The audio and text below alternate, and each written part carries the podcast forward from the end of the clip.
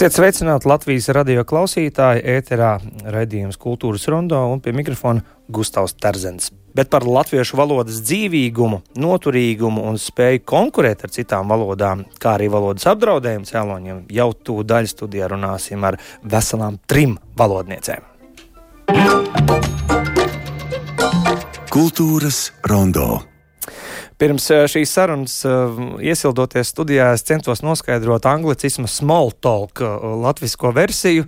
Uh, tikām līdz saviesīgām sarunām, bet tad sapratām, ka tas tā īsti nav. Un, lūk, šādus te matus skaldīsim nevienu šajā sarunā kopā ar Inu Druvieti, Latvijas Universitātes profesori, kura pēta sociālo lingvistiku, tātad arī valodas sociālo raksturu, tās funkcijas sabiedrībā un sociālo parādību ietekmu valodā. Labrīt! Ina. Labrīt! Aiga Veckalna. Jā, nu šeit arī uh, ordeņu skaits nav mazs. Raidieraksta pieturzīmes vadītāja, tulkošanas eksperte, vada gan klātienes, gan tīmekļa seminārus un praktiskas nodarbības par latviešu valodu publiskajā runā, tipiskākajām kļūdām un ieteikumiem lietišķajā sarakstā un dokumentos, kā arī konsultē par latviešu valodas lietojumu. Labrīt, Aiga. Labrīt. Un Evelīna Zilgalve, galvenā lingvista Latviešu valodas aģentūrā, eh, kura redz sabiedrības un valodas eh, šķērsgaismā. Labrīt, Evelīna. Labrīt. Un eh, man tā, tāds jautājums, es saprotu, ka valodas politika nav tas, kā mēs ikdienišķajā nozīmē izprotam, un arī šī konkurēšana nav tas, ka mēs gribētu kādu uzvarēt. Ko nozīmē Latvot, latviešu valodas konkurētspēja, ar ko ir jākonkurē un kāpēc? Jākonkurē tāpēc, lai mēs saglabātos uh, pasaules valodu saimē, un šī konkurence tiešām ir asa, jo mēs nevaram runāt vienā reizē divās valodās, kaut arī, protams, pārvaldām trīs, četras vai vēl vairāk, un valodas politika gluži vienkārši nozīmē aktīvu nostāju savas valodas uzturēšanā, savas valodas lietošanā, un to var īstenot gan valsts institūcijas, gan arī viens no mums saziņā ar savu kaimiņu, ar saviem draugiem, ar visiem, ar ko mēs runājam. Tas nozīmē, ka, piemēram, mūsu valsts pārstāvi dodoties uz ārzemēm, nu, viņiem nav tik obligāti jārunā vienmēr angliski. Viņi var runāt savā valodā un pieprasīt tulkojumu. Visās situācijās, protams, mēs to nevarēsim, bet mēs runājam tieši par savas valodas aizsardzību savā teritorijā, tātad latviešu valodas aizsardzību Latvijā. Un, protams, es vēlreiz gribētu uzsvērt, ka latvietim ir ne tikai tiesības, bet arī pienākums Latvijā runāt latviešu valodā visur, kur vien tas iespējams. Ārzemēs, protams, ja esam oficiāli institūciju delegāti, varam pieprasīt tulkojumu, bet ārzemes lūk būs tā vieta, kur izrādīt cieņu citu valodu valodu runātājiem, tieši tāpat, ka mēs vēlamies, lai citi Latvijā izrādītu cieņu latviešu valodai. Un tad ir paradoks, līdz ko kāds no mūsu politiķiem ārzemēs runā latviešu, mēs piesienamies eh, viņu izrunai val, svešā valodā, tā vietā, lai viņš varētu runāt vai viņu latviešu valodā pieprasīt šo tulkojumu. Vēl pašā sarunas sākumā es eh, vēlos apsveikt eh, Inu Druvietu ar tad, tad jauno rakstu krājumu pārliecību, valodu, sabiedrību, politiku nu, iznākšanu. Tad, tad dienas gaismu ir ieraudzījuši vairāki rakstu, raksti eh, laika posmā no 2010. līdz 2022. gadam. Un mazliet jau jūs no Inas Druvietas dzirdējāt, bet es vēlētos vienu mazu citātu no paša sākuma, no, no grāmatas ievadvārdiem nocitēt, kas tad arī noteikti varētu uzstādīt tēmu spriešanai par latviešu valodu. Mēs to varam saukt par valodas vērtības apziņas stiprināšanu, pārliecību par latviešu valodas konkurētspēju, ilgtspēju, saglabāšanu, noturību, kvalitāti vai vēl kā citādi, bet īstenībā pozitīvās lingvistiskās attieksmes būtība ir pavisam vienkārša. Latviešu valodas nākotne noteiks tas, vai pirmām kārtām paši latvieši savu valodu lietos vienmēr un visur, un kur vien tas ir iespējams. Un valodas pētniekiem tādēļ um, dots virsuzdevums ar saviem pētījumiem sniegt kaut nelielu ieguldījumu šīs attieksmes veidošanā. Kādā valodā mēs šodien runājam? Piemēram, mēs raidījuma otrā daļā klausīsimies Mārs Rozenbergas stāstu par Šilleru laupītājiem. Pirms 200 gadiem tulkot lietu, kad, piemēram, daudzi vārdi vēl nebija radušies latviešu valodā. Kas rodās šodien, mūsdienās? Nu, šodien, mūsdienās, tāpat kā katrā laikā, mēs meklējam tos jaunos vārdus. Un nereti tā jauno vārdu meklēšana notiek, starp citu, tulkojot Tāpēc uh, Alleģis, starp citu, tulkotāji pukojas, ka, ka mm, teiksim, tad, kad arī mācās valodu, vienmēr tiek ņemti ordināli teksti, nevis, nevis tulkojumi, kuros nereti tulkotājiem ir jārada jaunas, jaunas reālijas, varbūt atbilstošās, bet, uh, protams, ne jau tikai viņi to rada. Un, uh, mēs runājam mūsdienu valodā, un katrā laikmetā ir savas iezīmes, protams.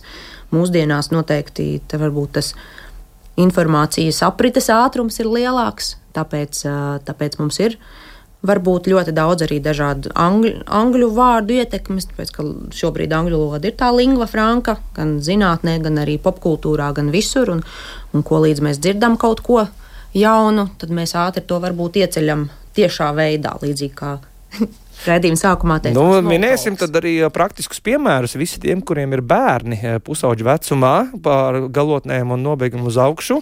Un tā kā ja, no, no šī te kalka laika, ja, es tā kā gribētu tā kā vēl kaut ko tā kā pateikt, un, un katrs teikums tiek piesārņots vismaz uz pusi ar, ar, ar svešumu šajā gadījumā. Un, um, bet tad sakiet, kādās attiecībās mēs kā sabiedrība esam paši ar savu valodu?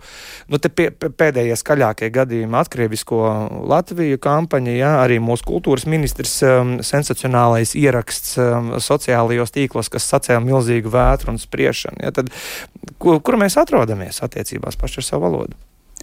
Valoda piemērojas sabiedrībai, Sa sabiedrība nosaka valodas lietojumu, un šeit mums tomēr vēl ir ļoti stingri jāšķir valodas lietojums un valodas kvalitāte. Mans rakstu kopojums būtībā ir tapis tādēļ, lai parādītu, ka valodnieki vismaz nu jau 30 gadus runā par to, cik ļoti svarīgi ir valodu lietot. Negribu atkārtoties par to, ka valsts amatpersonām ir obligāts latviešu valodas lietojums plašsaziņas līdzekļos, par to, ka mums vienreiz par visām reizēm ir jāatrisina valodas saistība ar nodarbinātību, bet runājot par to, kāda ir valodas kvalitāte, arī par jūsu pieminēto jauniešu valodu, valodu. Ir jāšķir pārējošas un noturīgas parādības valodā, un parādības, kas ir virspusējas, un tendences, kas tiešām var apdraudēt valodu. Un e, skaidrs, ka jauniešu valodā vienmēr ir bijis vairāk aizguvumu nekā vecākās paudzes valodā.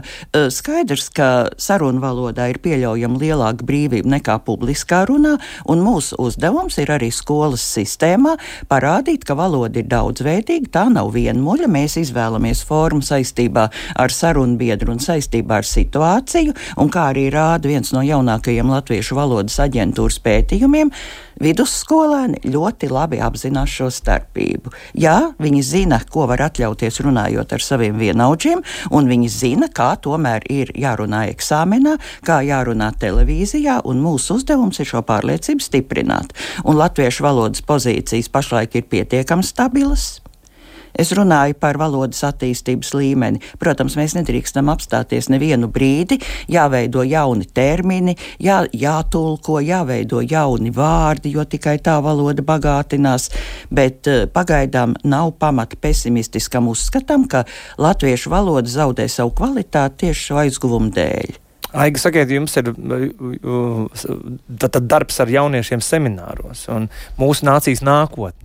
Nu, viņi kā sūkļi visu parasti uh, uztver un ātri pārstrādā, bet kas pēc tam nāk ārā? Kādi riski tur ir? Piemēram, es vairāk domāju par tieši šo ikdienas valodas lietojumu un par to nelielie mazie grēciņi, kas sakrājās, piemēram, nevērīgā e-pasta sarakstē. Tur divus, divus patskaņus pēc kārtas likt nevis rakstīt garumzīmi vai, vai, vai to saucamo emoji aizstāju, aizstāju sarakstēt digitālajā tagad telefonā.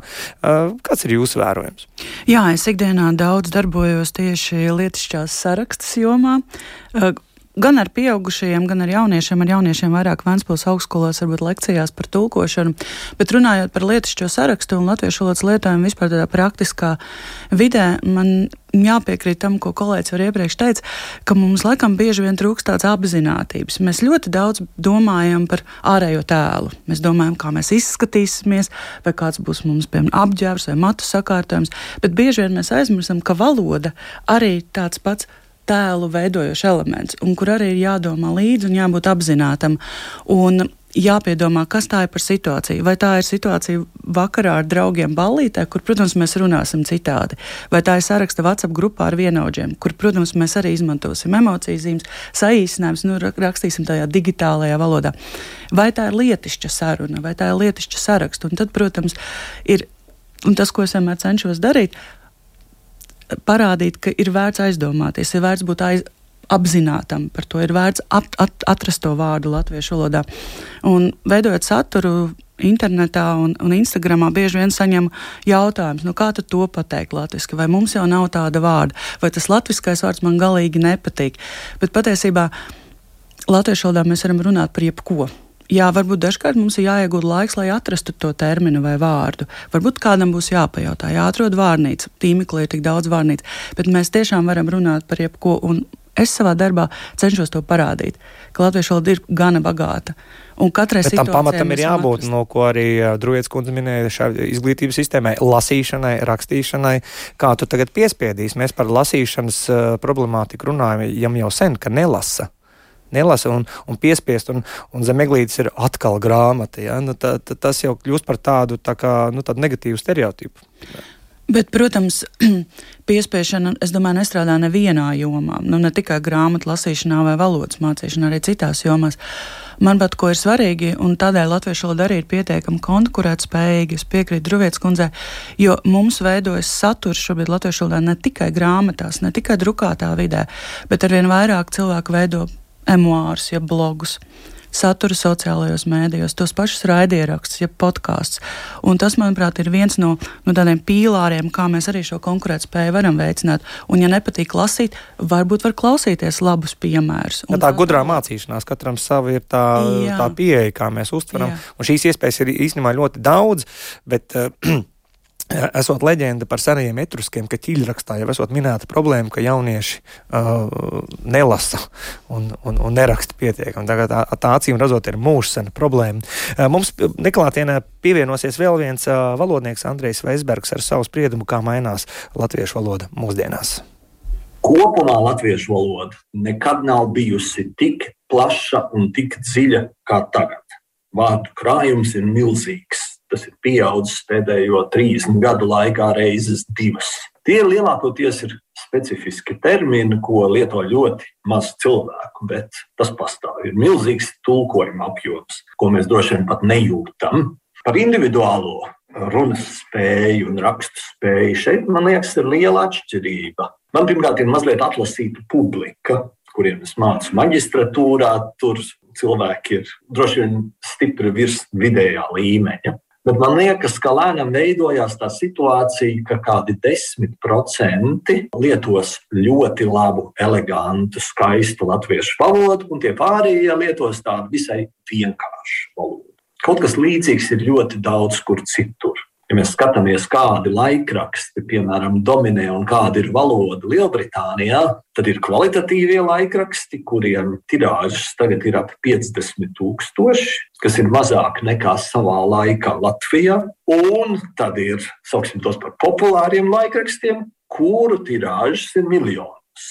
Un tur ir pavisam cita valoda. Tur ir tāda sarunu valoda, parupja, asa, agresīva Mums tas vēl nav tik izteikti, bet es domāju par to runas spēju, ka tā mēs tā lēnām ejam uz to, ka šie 10% būs tie smalkie runātāji, un tie pārējie būs tādi ikdienas latviešu valodas lietotāji. Ja paskatāmies atpakaļ uz 19. gadsimta beigām, droši vien bija tāpat. Tikai no tā laika ir saglabājušies tie teksti, ko rakstīja tie, kas mācīja rakstīt. Un ko tie pārējie teica un kā viņi runāja, to mēs praktiski nezinām. Runāšana, rakstīšana, lasīšana, tas viss vienopus veido to valodas satvaru, kas esam mēs ikdienā.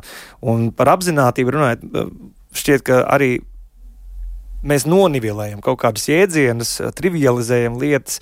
Un šajā gadījumā, vai jūs piekrītat eh, šajā gadījumā Veisberga kungam par to, ka tik bagāta kā nekad ir mūsu valoda šobrīd? Jā, pilnīgi noteikti. Latviešu valoda tiek lietot visās jomās, attīstās terminoloģija, tulkojumi tik tiešām ir daudz un tie ir izcili. Mums ir ļoti labi rakstnieku un oriģināla literatūra, sarunvalodā protams, ne visu šo valodas bagātību mēs izmantojam, bet tādas iespējas ir. Tādēļ es ceru, ka neviens vairs neatkārtos teicienu par to, ka latviešu valodā kaut ko nevar pateikt, ka citas valodas ir bagātākas latviešu valoda ir tieši tikpat bagāta vai eh, tikpat nabadzīga kā jebkura cita līdzīgas sabiedrības valoda. Angļu, franču, vācu, igauņu, lietuviešu praktiski jebkura valoda, kam kādā valstī ir oficiāls status un senas lietošanas tradīcijas. Tātad, ja kāds ko latviešu nevar pateikt, tad uh, ieteikums viens - meklēt, mācīties, radīt ko jaunu, un šī valodas jaunradas spēja mūsu sabiedrībā ir ļoti dzīva. Atcerēsimies kaut vai Covid laiku. Viena no pozitīvajām nedaudzajām blakus parādībām bija ārkārtīgi izteikti valodas jaunrada, valodas spēles, humora elementi, joki, valodas potenciāla izmantošana, kas rādīja, ka gan valoda ir dzīva, gan arī lietotāja jaunradas gars nekur nav zudis. Nu, Tomas regulāri atgādina gada vārds un gada nevārds. Kā jums šķiet, kas būs uh, 2023. gada vārds un nevārds? 22. gada vārds bija okupeklis, tātad saliktenis no okupācijas un pieminekļa, un nevārds bija sankcionēt. Ja tā vietā mierīgi var teikt, atļaut, apstiprināt. Kas, kas būs, ja, ko jūs liktu kā gada vārdu un nevārdu? Nu, tā ir tāda jautra spēle, kam būtībā ar valodniecību ir ļoti maz sakara. Tas uh, ir populārs paņēmiens diezgan daudzās valstīs, pievērst uzmanību, bet es teiktu pat ne tik daudz valodai, cik aktuālām norisēm sabiedrībā. Bet jā, Latvijas sabiedrībai, latviešu sabiedrībai ir raksturīga uzmanības pievēršana atsevišķām frāzēm, vārdiem, diskusijas par kādu vārdu vai formu var kļūt uh, ārkārtīgi kaislīgas. No vienas puses tas ir labi, jo pievērš uzmanību valodai, bet no otras puses tā mēs aiz kokiem neredzam mežu. Un visvairāk man satrauc tas, ka mēs esam gatavi diskutēt par kādu vārdu iederību vai neiederību, bet sabiedrībā tomēr nav pietiekami daudz nosodījumu tiem gadījumiem, kad politiķi atļaujas Latvijas sabiedriskajos plašsaziņas līdzekļos nerunāt valsts valodā, kad mūsu jaunajiem uh, darba ņēmējiem joprojām tiek uzspiestas citas valodas prasmes, mums ir jāsaprot, ka valoda var būt izcila, valoda var būt bagāta un kopta, bet ja mēs nenodrošināsim un valstiski neaizsargāsim tiesības šo valodu lietot, tad valoda tā arī paliks kā skaista vāza uz plaukta, kā piemineklis. Bet mums ir vajadzīga dzīva valoda, ko mēs lietojam, ko lieto visi, kas ciena latviešu tautu un latviešu valodu nu, ārpus vēlamības kārtas, eh, tad ko mēs varam darīt praktiski? Kāds tas būtu mūsu katra individuālais uzdevums ikdienā? pirmkārt runāt, un šķiet, ka šajā sabiedrībā tas nav jāpierāda, un otrkārt, tomēr šķiet, ka mums daudz vairāk ir uh, jārunā par šiem jautājumiem, tieši par to, kāpēc tas ir svarīgi. Jo ir daļa cilvēku, kas iespējams tiešām nesaprot, nu kāpēc es nevaru ar savu kaimiņu runāt Krievu valodā, ja man tā ērtāk? Kāpēc šis jaunais pārdevējs vai viesmīlis uh, nav jāpiespiež runāt Krievu valodā, jo tās taču ir klienta tiesības? Mums ir pilnībā jāmaina savs skatījums uz latviešu valodas pozīcijām Latvijā. Mums nav cita varianta. Nu, ne tikai Latvijā, Evelīna, bet piemēram diasporās, um, kas ir. Um, nu, es vienkārši gribu saprast, kā uh, tiek uzturēta ne tikai Latvijā, bet pasaulē latviešu valodas uh, konkurētspēja. Mm, nu es drīzāk varēšu runāt par Latviju, par diasporu. Par diasporā ir. ir Skaidrs, ka kāds cits no Latvijas Mācī, jā, aģentūras jā, būs jāņem. Cits speciālists. Cits speciālists aizrautos un droši vien visu raidījumu varētu runāt. Ko es varu pateikt, ir latviešu skolas, ir, ir, ir mācību materiāli, kas tiek regulāri sūtīti, ir regulāri tikšanās ar skolotājiem, kas strādā ar tieši bērniem, tieši strādājot ar jauno paudzi. Un, protams, līdz ar to arī vecāki tiek iesaistīti un veidot stipras kopienas. Es teiktu, tas ir tas svarīgais. Bet, bet diasporas pārstāvi man tūlīt pārmetīs, ka es nepasaku vēl ļoti daudz ko, tāpēc vairāk neteikšu neko. Jo ko es ikdienā redzu savukārt. Um, Strādājot par valodas konsultantu, es redzu, cik daudz interesējas par valodu. Uh, šobrīd jau baidos, atstāju vienu pašu kolēģi, cik būs sakrituši e-pasta kastītē mums vēstules. Ikdienu tās ir 100, 200 apmēram vēstuļu par valodu. Protams, liela daļa ir par personāla atveidi, bet tikpat liela daļa, lai man piedod tie, kuriem nesmu paspējis atbildēt vēl kopš decembra sākuma, uh, ir par tiešām tādiem valodas un gramatikas jautājumiem. Vakar bija sapulce, 40 minūšu laikā nevarēja pacelt telefonu, 25 neatbildēti zvani. Ja? Tā ka par valodu interesējas tie, kas ar to strādā, kas, kas ikdienā kaut ko raksta. Vēl šorīt man zvanīja no viena uzņēmuma un teica, vakar kaut ko ietvītojām, un tur ir izcēlies varens strīds, gari komentāri. Kā, sakiet, lūdzu, ko lai mēs tagad darām, vai mums ir taisnība vai nē. Valoda interesē tiem, kas to lieto. Ko līdz mēs to lietojam, tā mums arī parādās ļoti daudz dažādu aspektu un interesu. Uh, interesēties arī dziļāk un saprast, kurās situācijās mums ir vajadzīga cita valoda un kad, un kurās situācijās mēs varam vairāk piestrādāt pie savējās. Citkārt arī uh, sociālās saziņas vietnēs šie te uh, valodas policisti paši pa, pašpasludinātiem parādās, jo visbiežākais iemesls ir kā un kad lietojums. Un par ko mēs varam spriest šādā gadījumā par šādiem te ikdienišķiem neapzinātiem, iespējams, um, kļūdainiem izteikumiem? Un papildinot Evelīnas teikto, man droši vien vispirms gribētos pateikt, un papildinot arī Veisberga kunga teikto, ka mēs rakstām tik daudz latviešu valodā kā nekad ja kādreiz rakstīja noteiktu profesiju pārstāvi, vai tās rakstīšanas iespējas bija arī ierobežotas, tehnoloģiski arī. Bet mūsdienās mēs rakstām Twitterī, ja minētajā, mēs rakstām ēpastus, un bieži vien raksta cilvēki, kuriem varbūt nav pieredze rakstīšanā un valodas izmantošanā rakstu valodā, vai, vai mācīties 9. klasē ir aizmirsies. Un nav brīnums, ka parādās nu, šādas kļūdas raksturīgās, piemēram, kā un kad jaukšana, vai komatu likšana vietā un nevietā, tur, kur tos vajag, nav kur tos vajag, un, un, un ir tur, kur nevajag, un tā tālāk. Es drīzāk domāju, atbildot uz, uz tavu jautājumu, ko tas liecina par tiem, kas aizrāda. Man drīzāk interesē, man bieži vien interesē tas, kādā veidā mēs aizrādām. Un bieži vien aizrādītāja komentārā ir vismaz viena vai divas kļūdas. Bet ļoti acīgi mēs esam pamanīti pamanīt citos. Un ko es ar to gribu pateikt? Ka mēs jau neesam roboti. Un skaidrs, ka mums runājot un rakstot, jo īpaši, ja mēs neatceramies to gramatikas vielu vai mums nav pieredzes liels, mēs varam kļūdīties. Un es domāju, ka viens no veidiem, kā uz to reaģēt, ir pirmkārt neaizmirst par laipnību nevis uzbrukt un pārmest, bet laipni atgādināt, laipni ierosināt, pašiem rādīt ar savu piemēru, kā ir rakstīts pareizi, un pašiem skatīties, vai mēs rakstām pareizi. Bet, protams, tādas tipiskas kļūdas, es domāju, labojiet, ja es kļūdos, es domāju, ka mēs jaucām, kā un kad arī pirms 30 gadiem. Vienkārši tagad tas ir izteiktāk, jo mēs daudz vairāk runājam un rakstām un esam pamanāmāki tādā veidā. Nu, ir tādas, teiksim, es pat teikšu, piecas, desmit ka, uh, valodas parādības, kas tiešām būtu nosaucams par kļūdām, un no tām var izvairīties dažu nodarbību laikā, gluži vienkārši tās apzinoties. Un pārējais ir valodas varianti, bet šī neiecietība tiešām pastāv, un, manuprāt, tā nestiprina latviešu valodas pozīcijas. Un mums ir jāsaprot, ka valoda ir daudzveidīga, mainīga, ir varianti. Mana taisnība nav vienīgā. Praktiski par jebkuru valodas jautājumu ir ir bijušas diskusijas latviešu rakstu valodas vēsturē. Un, jā, tik tiešām veids, kādā mēs aizrādām, ir ļoti svarīgs.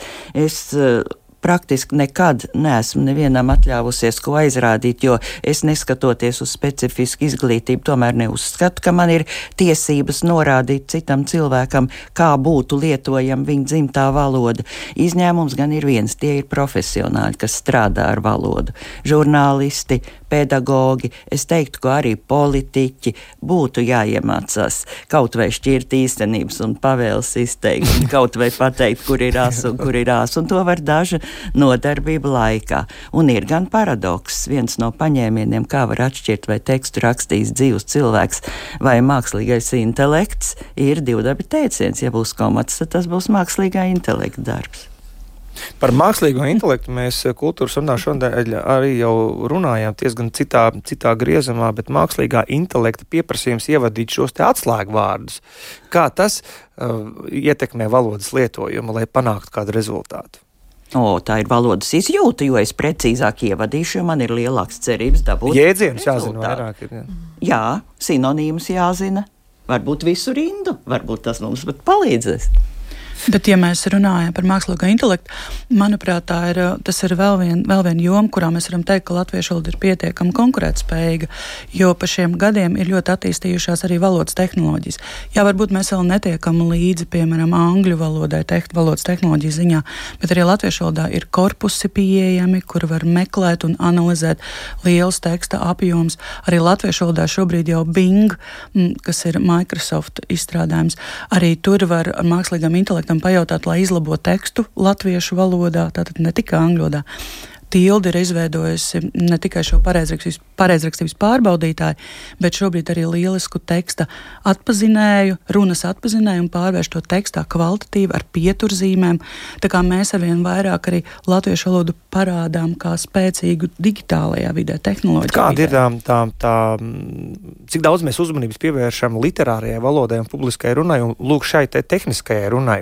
Vai, piemēram, veikalos uz precēm šie pārtulkotie preču uh, apraksti. Uh, es, es laikam, sabiedriskajā mēdījā nedrīkst popularizēt stiprinātos dzērienus, bet kādreiz līdz, līdz, līdz vēdera krampiem var, var, var smieties par to, kāda garša ir vīnam, ja? un ar ko tur viss būs labi kopā. Tā, nu, Un turpat nav mākslīgais intelekts. man šķiet, bijis pie vainas. Kurjos būs daudz, bet, protams, tehnoloģijas tiek pilnveidotas. Noteikti, ka tās strādās aizvien prasmīgāk, bet eh, ir viens risks pazaudēt cilvēku radošo garu un arī būtībā šo paša valodas spēju. Jo, ja mēs visu tekstu, ko rakstām, izlaidīsim cauri mākslīgā intelekta cenzūrai, mēs tomēr kļūsim paviršāki savā pašu darbībā. Tā ka skolās tomēr joprojām mums vismaz paši pamati būtu jāiemāca, pieaugušajiem līdz pat kapa malai būtu jāmācās savu dzimtā valoda, jāapgūst gan jauni vārdi, gan jāsako līdzi, kas jaunas valodas standartizācijā, un to visu var izdarīt. Bet it īpaši, protams, tas ir jādara šiem valodas profesionāļiem. Mē, Evelīna, tad mēs jau no, no politiķiem mēs vienmēr prasīsim. Ja? Un, bet no kā vēl? Valodas un, un sabiedrības attiecībās, no kā mēs pieprasām visvairāk un kas varbūt paliek tā ēnas pusē? Man jau šķiet, ka viss, ko mēs redzam, dzirdam, lasām, ļoti ietekmē to, kas pēc tam tā sacīt, nāk no mums ārā. jo tas ko, tas, ko mēs dzirdam, redzam, lasām, ietekmē to, kā mēs pēc tam domājam un ko mēs uzskatām par pareizu esam.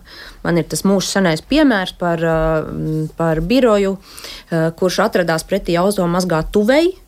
Un, kad es laboju tekstā automazgāt tava, projekta koordinātori teica, ka šī jaunā korektore nezina, kā raksta šo vārdu. Jo, um, Ja projekta koordinātori sēdēja pretī automāzgā tuvēji. Tad, ja mēs dzirdam visu laiku, piemēram, kādus aplamus darinājumus, kādas savādas konstrukcijas, mēs sākam domāt, ka tā ir pareizi. Proti, ik katrs, kurš ir dzirdams, redzams un lasāms, ir atbildīgs par to, ko viņš patiesībā uh, saka un, un raksta. Um, vai tas izklausās jau pārāk atbildīgi, bet tā tas diemžēl ir. Arī mēs šobrīd esam ārkārtīgi lielā atbildībā. Jā, Aiga, uh, par, trenēšanos. Jā, tavā gadījumā ir um, šis valodas treniņa elements. Tad ja mēs valodu varam trenēt kā jebkuru citu muskuli. Mums vajag treneri, lai mēs pareizi, lai mēs nesastieptu, lai neiedzīvotos iekaisumā. Mēs tiešām varam vingrināt valodu kā jebkuru, kā jebkuru citu muskuli. Nu, ja mēs tādā pārnestā nozīmē runājam, un tas es piekrītu, varbūt tas izskan tā ļoti atbildīgi un nozīmīgi, tas, ko tu Evelīna teica, bet es tam pilnīgi piekrītu, ka katrs, kurš ir redzams, dzirdams, ir atbildīgs par to.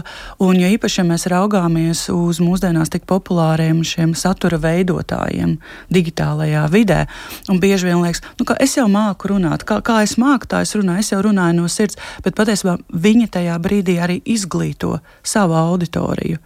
Un Jūs pareizi teicāt, ka vajag tikai dažas nodarbības, un es uzskatu, ka ikvienam, kurš ir publiski lasāms, dzirdams, ir nepieciešams šīs pāris nodarbības ar profesionāli. Ja jūt, ja cilvēks jūt, ka viņam vajag šo palīdzību, vai ja cilvēks apzinās, viņš ātri mācās, viņš saprot, izlasīt noteikts materiāls. Latviešu valodā ir ļoti daudz materiālu, kas nav obligāti jālasa akadēmiskā gramatika. Mums ir pieejama daudz rokas grāmatu par latviešu valodu, praktisku materiālu, tostarp internetā. Tas ir atkarīgs no cilvēka, jo arī sportot mēs varam ar treneri Un, ja mēs esam pietiekami paši izglītoti un koordinēti, mēs varam to darīt arī paši.